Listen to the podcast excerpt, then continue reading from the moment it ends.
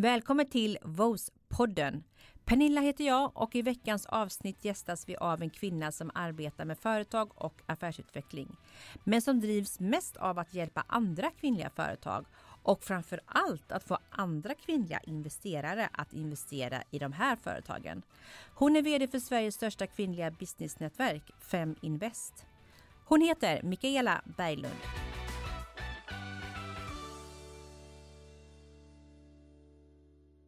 Varmt välkommen Mikaela. Tack Pernilla. Hur är det? Är det bra under de här rådande tiderna som är nu? Ja, eh, alla, liksom, alla företagare eller alla eh, personer som driver väldigt mycket framåt, har ju, man har ju alltid utmaningar som man står inför.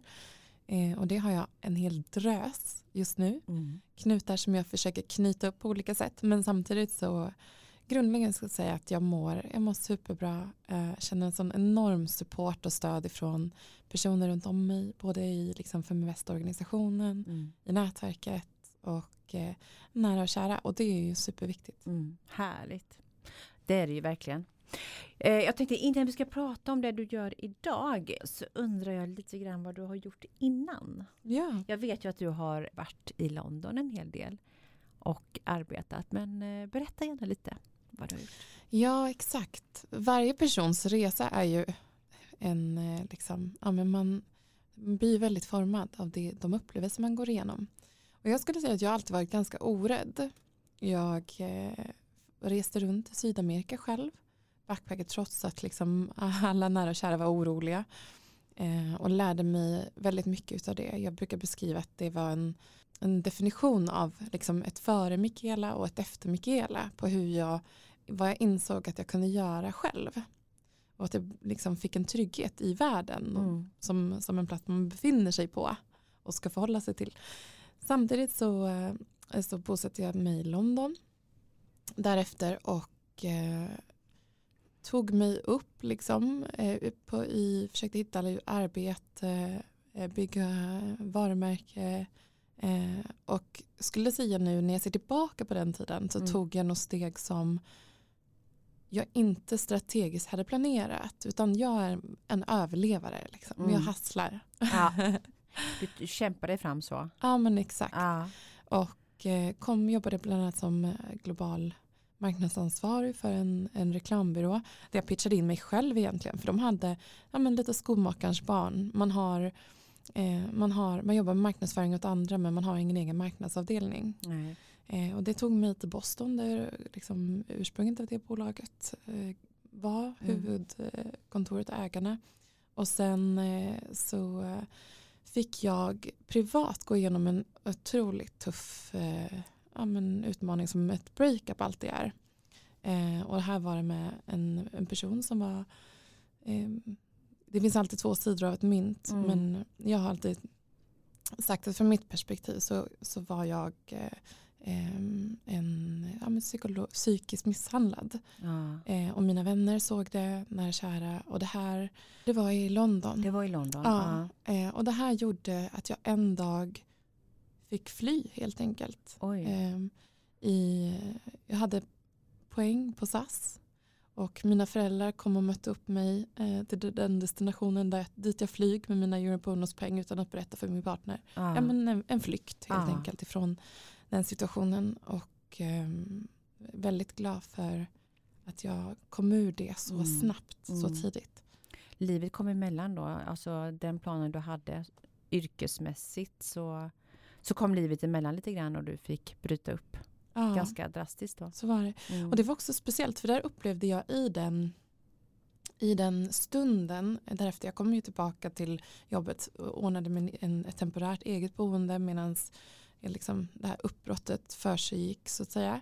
Och eh, kom ihåg, man, man, man gick till jobbet eh, men man har ju ingen energi till att ge någonting när man inte kan sova på nätterna. Mm. Man är rädd ja. eh, för att olika saker ska inträffa eh, i liksom, dialog med den här personen. Och sen också så att jag, jag behövde liksom en förändring och mm. det resulterade faktiskt i att jag sa upp mig från den här trygga eh, positionen och mm. startade eget i London tillsammans med en kompis.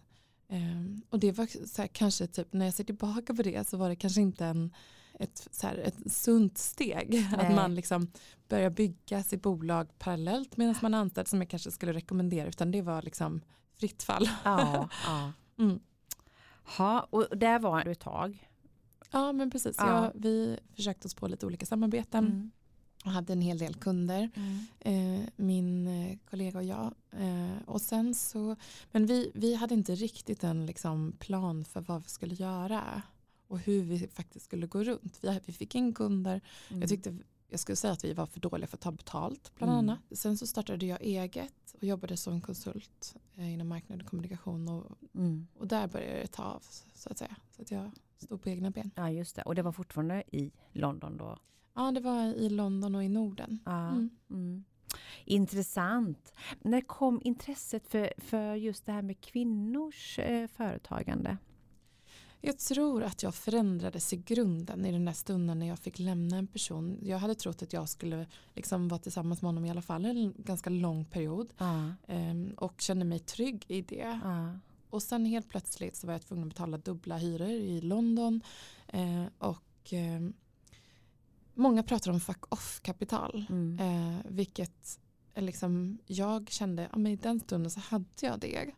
Jag kan inte säga att jag eh, jag var väldigt lyckligt lottad. Jag hade eh, haft möjlighet att köpa en lägenhet i 2008 som mm. min första liksom, investering och börjat tänka lite på mitt sparande ganska tidigt. Mm. Um, så att jag hade goda förutsättningar. Jag var privilegierad som har vänner och familj som liksom backade mig på olika sätt. Men uh, det var ju Alltså att kunna ta sig ur en situation där man inte mår bra. Det Nej. förändrar eh, perspektivet på vad andra kvinnor kan gå igenom. Så det, där, där tror jag att det förändrades. Det, det började lite grann. Vad, vad, kände du, vad förändrades hos dig då? Liksom? Eh, min, min syn på att jag kunde faktiskt ta de här stegen. Eh, jag kunde liksom, jag hade ekonomi att faktiskt ha ett annat boende under en period. Vilket var oerhört viktigt för mig för att kunna landa i, för när man är i en sån här liksom, en relation så är det både positivt och negativt exempelvis. Man, man, man har inte riktigt en klar bild innan man får en viss distans. Då behöver man köpa sig själv tid mm. till att kunna fatta rätt beslut. Och det kunde jag göra. Och jag tror att det är många kvinnor där ute som inte kan det.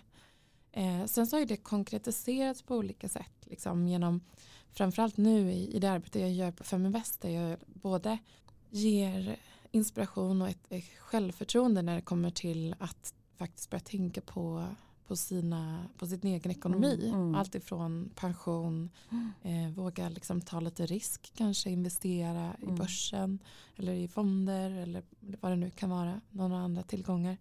Eh, men också att, att eh, bidra med kunskap och kompetens för entreprenörer som, som vill skala upp sin verksamhet. Mm.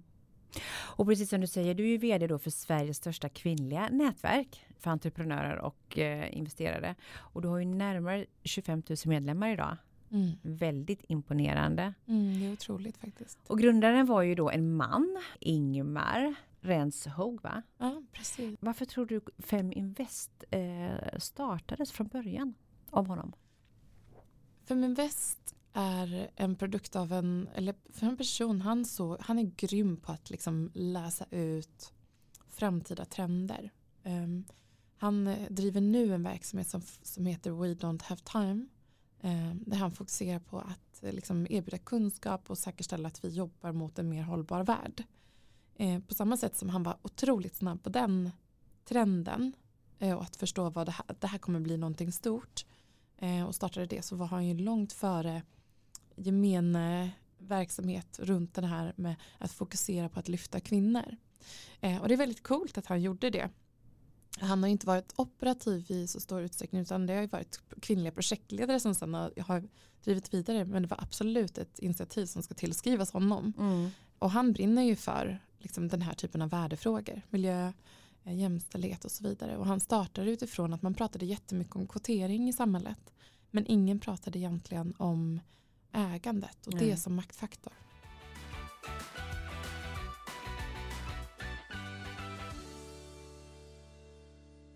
Men du tog över Feminvest för snart ett år sedan eh, och nu är det ett eget bolag. Jag tänker Mikaela, vad är din ambition för Feminvest? Alltså Feminvest fyller ju en funktion när vi säkerställer att kvinnor vågar ta steg som man inte hade gjort innan man kom till Feminvest. Eh, och det vill jag utveckla på Mm. massor av olika sätt framåt. Och eh, än så länge så är det för tidigt liksom för mig att dela med mig av exakt hur jag kommer göra det på. Mm. Eh, men det kommer att, att eh, presenteras inom kort. Mm. Kul! Ja, Det ser vi fram emot. Verkligen. Ni har, ju, ni har ju lite olika uppdrag som ni sitter och jobbar med idag. Ni, ni föreläser ju egentligen. Om vi börjar där, vilka områden är det mest? Många, vi det är två olika liksom, fokusområden som vi, vi får väldigt mycket uppmärksamhet i media för just eh, den delen vi fokuserar på runt eh, kvinnliga entreprenörer i och med att endast 2% av riskkapitalet går till kvinnliga entreprenörer. Mm. Det finns så otroligt mycket data på varför det ser ut så. Mm. Eh, idag på morgonen hade jag en, en frukost där jag matchade en, en investerare med flera eh, entreprenörer som skulle kunna bli en, en, en bra match för dem. Mm. Eh, och det är ju någonting som vi tycker är superviktigt. Och jag eh, startade faktiskt den delen helt själv. Mm. Eh, när jag tog över Feminvest, det var precis mm, det är ett och ett halvt år sedan, så det var precis i mars som jag tillträdde efter min andra mammaledighet. Mm. Och då så fick jag eh, eh, presentera data ganska snabbt där runt internationella kvinnodagen om Mm. att ja, otroligt lite riskkapital helt enkelt går till kvinnliga Mm. entreprenörer. Varför är det så tror du? Det finns en hel del data. Ja. Vi söker lägre belopp än vad män gör för Mm. våra motsvarande liksom, bolag. Vi, Och du Eh, menar att man, om man har man två jämställda, snarlika bolag och det är en man som äger ena och kvinna i det andra. Kvinnan sätter ett mindre belopp. ja, man sätter ett mindre belopp. Ah. Och det har att göra med, man pratar ganska mycket ofta om kvinnor i rekrytering. Jag brukar dra en parallell där. Eh, för att när kvinnor söker jobb så är vi mycket mer noggranna, säger rekryterare, att säkerställa att vi har exakt rätt kompetens mot det som beskrivs att vi ska göra. Mm. Vilket gör att eh, en kille, ja, men vi, det här uttrycket killgissa, Ja, precis. det är större, så här, vet du vad, det här är en roll, det här vill jag göra, tänker herrar i större utsträckning än vad tjejer gör. ja. Och jag tror det är likadant med liksom hur vi levererar på jobb i våra roller och sen att vi vill säkerställa att vi verkligen levererar det vi ska. Och också när vi tar in kapital då, Mm. att visa så här, jag, nej men jag kan inte ta den här värderingen, jag har bara gjort det här. Alltså Mm. man har en, en annan eh, ja, självbild där helt enkelt. Mm. Och eh, det här är ju, så det är en viktig komponent. Det här är ju att man som kvinna i större utsträckning får springa oftare och söka runder vilket tar jättevärdefull tid från verksamheten att Mm. bygga ett bolag. Och en man då tar, tar till lite extra och Ja. slipper liksom göra de rundorna. Mm. Precis. Sen så om man tittar på investerargruppen så är det fortfarande än idag majoriteten män. Eh, Det finns eh, studier som visar från många olika håll att eh, män inte på samma sätt som vi kvinnor har svårare att relatera till manliga entreprenörer. Som om vi skulle vara investerare Mm. så ja, unconscious bias brukar man ju prata om. Att man har lättare att relatera och förstå en, en person som är mer lik en själv. Mm. Och så funkar vi alla. Mm. Eh, men då i och med att det bara är, i stort sett är manliga investerare eh, i eller mycket större utsträckning ska jag säga. Eh, så, eh, så påverkar det. Mm. Man kan också titta historiskt. Jag menar förvaltas kapital egentligen. Hur, hur länge har kvinnor varit aktiva på, på arbetsmarknaden? Och hur mycket, för det som är eh, grejen med kapital och värde. Att det finns ju en, en, ränta på ränta effekt. Där värde ökas på Ja. om man förvaltar det rätt. Eh, och eh, då kan man ju bara se att vi har tusentals år av män som i större utsträckning har haft tillgång till kapital och ägt. Och det var ju både juridiskt och eh, i att liksom kvinnor inte har haft tillträde till arbetsmarknaden på samma sätt. Mm. Och, eh, och det här gör ju också att vi, eh, vi ligger lite efter Mm. eh, ekonomiskt. Mm. Om man tittar på liksom vilka som äger börsen så är ju de alla, de som äger i stort sett allting är ju över 60 år. För att man har varit på börsen i många år och, och tjänat på att den har gått upp. Ja, Ja. det jag förstår. Vi har vissa goda förebilder idag är ju liksom sociala medier som är superviktigt och där får man ju, de som blir framgångsrika där Mm. de bygger ju en image och en bild av hur, vad det är att vara entreprenör och så vidare. Eh, som inte alltid stämmer överens med verkligheten. Nej. Eh, och där är det att visa eh, att vara affärskvinna eller att driva bolag ser väldigt olika ut för oss och lyfta olika typer av förebilder tror jag är superviktigt. Mm. Eh, att ge kunskap i och med att jag upplever att kvinnor i hög utsträckning behöver kunskap för att fatta beslut. Mm. Precis, och ni jobbar ju med ambassadörer idag med. Ja men det gör vi. Ja. Går de ut och pratar mycket med andra kvinnliga företagare eller hur, hur jobbar de med, med er då på Feminvest? Jo men absolut, de, Mm. de delar och de är superengagerade. De bidrar med innehåll till våran, om deras tankar om sina investeringar. Mm. Eh, och ibland emellanåt så föreläser de lokalt där de är eh, om det som vi gör. Så Mm. att det är jättekul. Ja.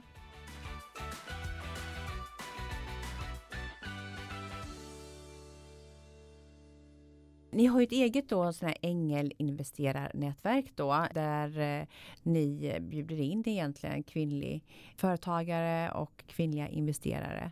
Och eh, då arrangeras det ju då pitch-event. Berätta lite grann hur de fungerar. Ja men exakt, vi gör det på lite olika sätt. Som i morse var ju då en frukost där det liksom blir lite mer informellt, Mm. eh, ett möte. Sen så har vi haft fysiska träffar innan den här pandemin eh, drog igång. Som vi alla bara väntar på att den ska ta slut. Så trötta på det nu. Är så trötta på den.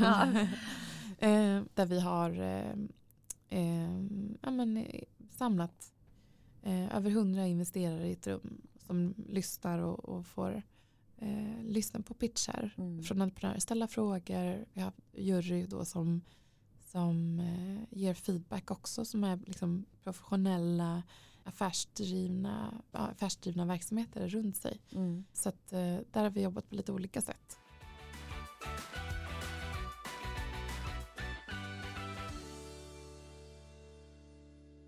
Vad letar en, en investerare efter idag?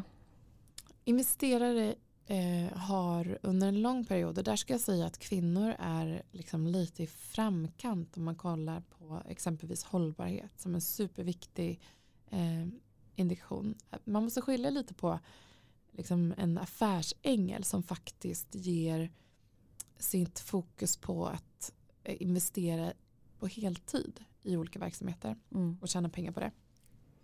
Där så ser jag en väldigt tydlig trend om att man vill ha en lite mer avancerad teknik. Eh, som inte, kanske inte en app utan det ska finnas väldigt mycket data kopplat till backend. AI kopplat till deep tech eh, Mm. brukar man prata om. Så det ska vara en viss tröskel för att kunna starta upp en verksamhet och konkurrera. Eh, det efterfrågas. Eh, hållbarhet då. Mm. Eh, I Feminvest har vi gjorde vi 72% av investerarna tycker att hållbarhet är viktigt. Mm. Eh, och det som saknas lite som jag tror också kommer komma väldigt mycket framåt och där kvinnor har en, en fördel det är socialt entreprenörskap Mm. också. Precis. Eh, och soci- socialt liksom hållbarhet ur ett socialt perspektiv. Mm. Jag är lite så här nyfiken på vad du tycker, eh, eller varför du tycker att man ska investera i kvinnliga företag. Kan du se lite grann, eh, finns det någon USP? Ja, absolut. Massor. Eh, det, det blir ju problematiskt att kunna urskilja den här datan idag. För att vad vi ser är ju att väldigt lite kapital går till kvinnor. Och det gör ju att det kommer, vi kommer få vänta väldigt länge innan vi får ett track record.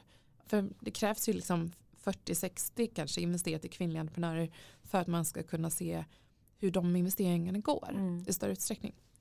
Eh, men det som finns, det finns vissa, vissa rapporter, det finns en amerikansk rapport som släpptes 2018 tror jag, om, eh, eh, från Boston Consulting Group om att eh, kvinnliga entreprenörer som de hade jämfört i en studie mot manliga gav dubbelt så mycket i ROI Mm. Mot, mot the, the, the male counterparts. Ja.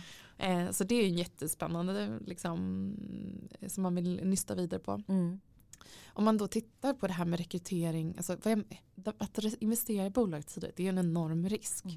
Det vet du, en, en investerare som går in i den här typen av verksamheter eh, räknar med att en hel del av bolagen han investerar i går i putten. Och då måste man ju så tänka, okej, men vad är, det, eh, vad är det då för risk att investera i kvinnliga entreprenörer mot manliga? Finns Mm. det någon skillnad? Mm. Och där så ser vi ju i, ja, men i både den här rekryteringsreferensen jag drog tidigt att kvinnor vill i högre utsträckning stå för det man säljer in. eh, om, från den datan och, och likaså liksom på arbetsmarknaden att vi när vi väl har ett jobb att vi levererar i högre utsträckning är det många som vittnar om.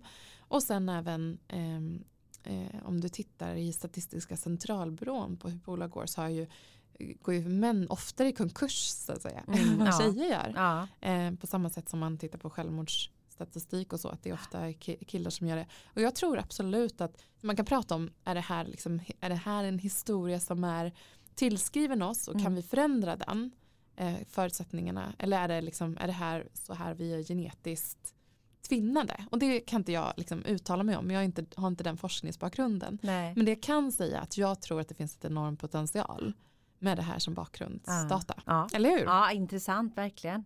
Ja, men det tror jag med. Jag håller med dig. Men du, om man ska investera själv i ett företag, Ja. har du några bra tips där?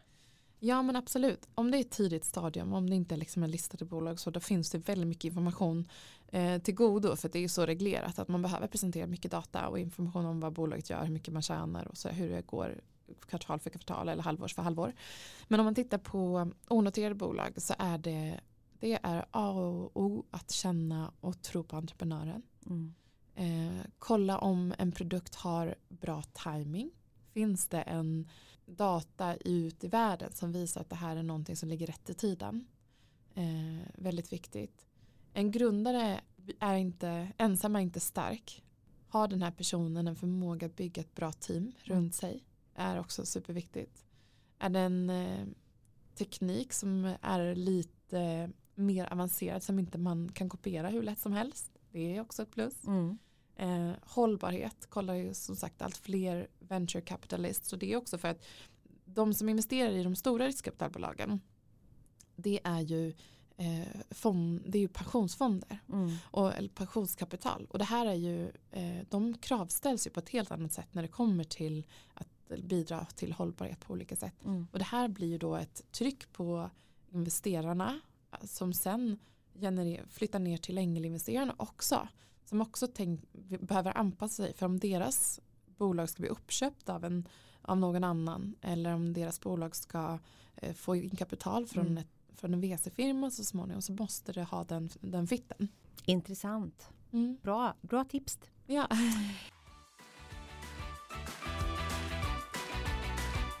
Vi på Vos är ju så mycket mer än denna podcast. Har du inte varit inne på vos.se är det hög tid att gå in nu. Här kan du shoppa och läsa om intressanta artiklar och reportage.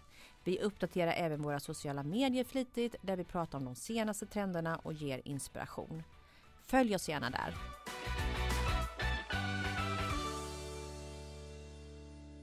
Jag tänker ni har ju också andra eh, nätverksträffar förutom just det här med investeringseventen. Berätta lite grann om dem ja men precis och där är vi i fokus väldigt mycket på börs och sådär. Eh, vi har ett webbinar imorgon om grunderna för trading. Mm. Eh, om du vill handla aktier och så vidare på kort sikt. Nu har det varit när, vi, när den här podden publiceras.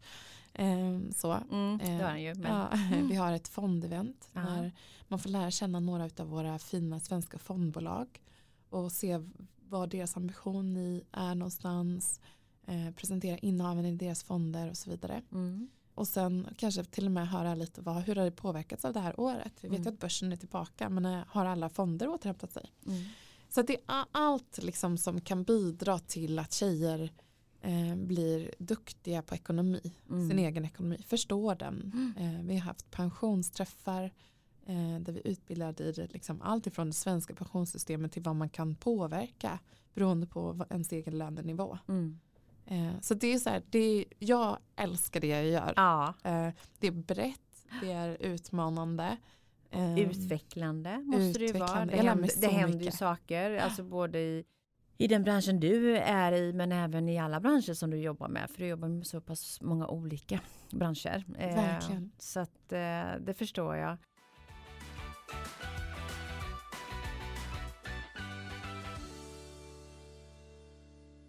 Vad är ditt mål med Feminvest? Vad är du om, om fyra, fem år sådär? Om jag kan få fler personer, vi är idag tre Mm. personer Mm. som är anställda och sen har vi ambassadörer som konsultar och så vidare för oss. Mm. Eh, men om jag om om några år kan ha bidragit till att tusentals kvinnor har börjat agera när det kommer till sin ekonomi, börjat investera. Mm. Eh, om jag kan bidra till att fler kvinnliga entreprenörer får, får riskkapital eh, och kan skala upp sina verksamheter. Eh, då är jag spot on där jag ska vara. Ja, kul. Och också visa på ledarskap i det. Alltså, vi har liksom en bild tror jag av kvinnligt ledarskap. Mm. Att det ska vara på ett visst sätt. Eh, att man ska vara lite tuff. Man ska liksom och jag tror visa på, om vi kan visa på bidra till en mångfald där så här, ledare får se olika ut. Eh, leda på, sin, på sina sätt. För det är liksom det är det absolut viktigaste. Jag tror våra liv är för korta för att lägga tid i karriären på att försöka vara någon annan än den vi är. Mm. Precis. Jag tänker också på, det är så intressant att ni egentligen jobbar både med företagsekonomin då och även den privata ekonomin. Men den går ju också mycket hand i hand. Ja, Eller hur? Mm. Och där finns ju data bara på att kvinnliga entreprenörer oftare startar enskild firma än vad män gör. Ja. Exempelvis. Och där tror jag att det historiskt har ju varit mycket, 50 000 man behövt gå in i aktiekapital. Det är färre kvinnor som har den möjligheten. Och att man också har sett det på ett sätt att kunna starta en verksamhet i liten skala. Men eh, det kan ju också komma med en enorm risk och det är också viktigt att förstå Mm. att eh, ja, men då är du personligt ansvarig för, för verksamheten så att säga. Mm. Så det finns fördelar och nackdelar men det är ju intressant att det, ser, det skiljer sig åt. Mm. Jag tänker på hur ser du strukturen lite grann där när en, en, en man startar ett företag och, och kvinna startar ett företag. Vi var inne lite grann på företagsform och att man kanske är lite försiktigare. Finns det några mer liksom, skillnader som du märker just att bygga upp ett företag? I en studie som eh, Danske Bank presenterade ganska nyligt eh, med vd Johanna Norberg så fick jag till mig data som visar att kvinnor inte startar lika tekniskt avancerade bolag som killar gör Nej. exempelvis. Mm. Och det är ett underläge i, i samtal med investerare. Mm. Det tror jag är liksom en skillnad. Mm. Eh, och sen så finns det, det finns data, Dagens Industri har släppt eh, frågeställningar som visar att investerare kanske inte hur en entreprenör, en manlig entreprenör själv pitchar in sin, sin, sin idé utan snarare hur investeraren möter entreprenören. Eh, att man i större utsträckning till en kvinna säger ja, men hur, hur ska du nog lyckas liksom skala upp det här företaget till att bli, det är ju en jättestor utmaning. Medan de manliga eh, får en formulering kopplat till potentialen. Ja. Ja men den här, det här är ju en jättestor möjlighet, liksom, Mm. Eh, mer positiv Mm. vinkel. Mm. Eh, så det, är, det är väldigt intressant. Ja, och jag tror också att männen eh, drar mycket av, sina visioner med ett företag. Och är väldigt duktiga på att sälja in det. Absolut. Eh, och vi kvinnor, vi eh, presenterar företag där vi är just nu. Och sen så absolut eh, kanske nämner lite grann var vi ska stå om fem år. Men, men eh, att vi lever verkligen mer och presenterar eh, i dagsläget. ja men Mm. det tror jag. Mm. Eh, absolut. Mm. Vi, står, vi vill stå för det vi säger. Mm. Ja. Kan det vara så att det är där vi behöver egentligen bli bättre på? Och är det någonting som ni funderar på att liksom stärka upp kvinnans självkänsla kring företagandet? Ja, Just när man är exakt. i de pitch-situationerna. Ja, eh, och det var lite, liksom, lite den vi har haft en, en sån frågestund idag på morgonen faktiskt runt eh, men exempelvis en, en tjej som fick från en investerare en fråga om ja, men vem delar du säng med? Liksom? Hur ska det på, kommer du att, ja, kommer det, det påverka på något sätt? Kommer han att låta dig avvara all den tiden som krävs? Så, så märkligt formulerat Oj. till den här eh, och det här är liksom en seriös dialog med investerare. Och de, hon har lyckades och har en investering för att bygga vidare och kommer ta in kapital längre fram också. Mm. Eh, men det säger någonting om hur, eh, Skulle man ställa en fråga till en man? nej men exakt. Det är ju helt galet. Ah. Men jag sa det, nästa gång så får du bemöta det. Ja, men Ah. vet du vad, det här är så bra fråga herr investerare. Du, vi frågar samtliga här i rummet, alltså, för hon har ju en manlig co-founder också. Ja. Det var ju bara hon som fick den frågan. Och då, då är jag jättenyfiken. Hur, vad svarar hon då? Jag vet faktiskt inte vad hon svarade, mer än att hon kände sig väldigt ifrågasatt. Ja. Ja. Eh, och att hon hade klurat på liksom hur, hon hade, hur de skulle bemöta det då. Ja. Eh, men jag tänker att, och det här är ju ett steg, att förstå att man presenterar sig annorlunda. Det är liksom kunskap om, återigen, så tjejer behöver kunskap att förstå, Mm. okej vi pitchar in för låga värderingar, vi är för, ja vi har den här datan på att vi behöver söka mer kapital oftare exempelvis och det tar supervärderlig tid eh, ifrån vår verksamhet. Men jag tror att många kvinnor känner sig lite, vi får ju kontakt med hundratals kvinnor och det är väldigt få som vi kan hjälpa. Eh, så är det, vi har hjälpt sju bolag hittills Mm. eh, sen jag startade den här delen. Och jag hoppas ju att jag genom att följa de här bolagen och kan hjälpa dem att gå åt rätt håll får hjälpa fler framåt. Mm. Eh, att hitta rätt så att säga. Ja, superviktigt. Så där tror jag det är viktigt att börja kunskap om att här, du måste tänka stort, du måste vara frimodig och stå Mm. för vad det här ska komma och kunna bli. Mm. Men du måste också börja i rätt ände. Men om, är det men stora riskkapitalbolagen de vill ha en internationell produkt. Ja, men är du färdig, har du byggt för att kunna ta det här Mm. ut i världen? Ta det steget ut. Ja. Ja. Mm. Så var strategisk från början Mm. och sätt ribban högt. För jag tror väldigt mycket att man, man klarar ju av det man sätter som mål.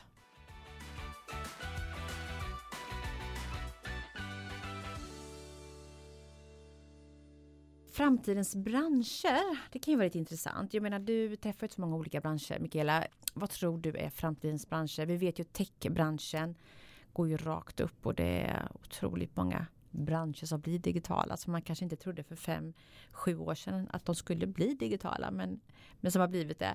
Men jag eh, ser en tydlig trend ändå och många med mig om att eh, hälsa blir viktigare kopplat till eh, både den innan pandemin men också nu i en eh, kombinationen digital hälsa och verktyg för det. Eh, vi har eh, verktyg som Natural Cycles som har lagt och öppnat upp möjligheter så fler investerare är intresserade av kvinnor och kvinnlig hälsa Mm. vad man kan utveckla runt det. Om det är en, någonting runt fertilitet eller hur kroppen förändras före och efter barn. Mm. Eh, eller, eh, och kvinnohälsa på det sättet. Eller om det är eh, diabetes eller eh, den här andra typer av sjukdomar. Så det är ett stort fokus. Eh, utbildning digitalt, ett stort fokus, eh, fokusområde om hur man kan möjliggöra det. Det som har varit väldigt attraktivt för investerare en period det har ju varit fintech och det är ja, men vi tittar på Klarna, iSettle, eh, Mm. Trustly, den här typen av bolag som har, som har visat, gått ja, före och visat att det, eh, det går att göra väldigt mycket. Mm. Eh, ja, socialt, eh, sociala möjligheter digitalt och innovation runt det. Mm. Eh, jag tror att det kommer komma mycket runt eh, säkerhet och alltså hur du kan styra din egen data. Jag menar, eh, har du sett en social dilemma? Den eh, Ja, dokumentären? ja, ja exakt. Ja. Och den typen av frågeställningar. Mm. GDPR är också med. Liksom, Ja, hur, hur kan, vi, kan vi kanske komma så pass långt att man själv kan sälja sin egen data? Mm. Eh, att jag bestämmer exakt vilket företag som ska få min data Mm. och jag får lite pengar för det. Mm. Eh, den typen av eh, eh, liksom Så, ja, men det är ju så intressant. Man vet aldrig vad som Nej, händer nej. framöver. och hållbarhet såklart. Och hållbarhet Alltså, ja. Hur hållbar konsumtion, Mm. eh, minsk, minskade koldioxidutsläpp och då inte liksom vi planterar träd som en sidogrej för att kompensera för det vi gör utan revolutionerande liksom, i grunden säkerställa att vi sparar energi i vårt hushåll eh, så. Den, Mm. vi renar vatten i Östersjön och så vidare. Mm. Intressant. Men eh, vad har du själv för framtidsmål, Mikaela? Om vi går till dig. Ja, Nu sitter du ju som ansvarig på Feminvest. exakt. Eh, vad tror du? Vad, vill du? vad har du för egna mål framöver? Privat Mm. eh, så har jag, jag har ett, en målsättning om att min karriär ska kunna kombineras med det att vara närvarande mamma. Mm. Eh, är superviktigt. Jag vill, eh, jag märker själv, alltså när jag har mycket att göra, den här veckan har varit sån och de närmaste eller veckorna inför och det är många som har mycket nu. Men då blir när jag kommer hem och ska laga mat till liksom familjen så blir det bara ytterligare en grej att göra. Det blir inte, när jag mår bra och när jag inte är stressad då, då gör jag det på ett kreativt och liksom eh, meditativt sätt. Mm. Och den, det är en livsstil som jag liksom jobbar mot att ha. Mm. Eh, för det tror jag på. Jag tror att framtidens arbete eh, ska kombineras med att man mår bra. Mm. Eh, att vara en, om jag kan ge mina barn eh, känslan av att de eh, är så fantastiska och liksom trygga i att de är, de är toppen precis som de är Mm. eh, och älskade så är, är det, det är ett absolut största livsmålet. Och sen att ta hand om mina nära och kära. För det, Mm. den här pandemin också har ju varit en väckarklocka. Jag har haft få som har gått bort som jag känner till i den här eh, sjukdomen. Ja. Som jag inte ens vill uttala vid namn. Men ehm, att faktiskt eh, vara, vara närvarande, ta hand Ja. om nära. Och eh, jag vill bidra med det jag kan. Mm.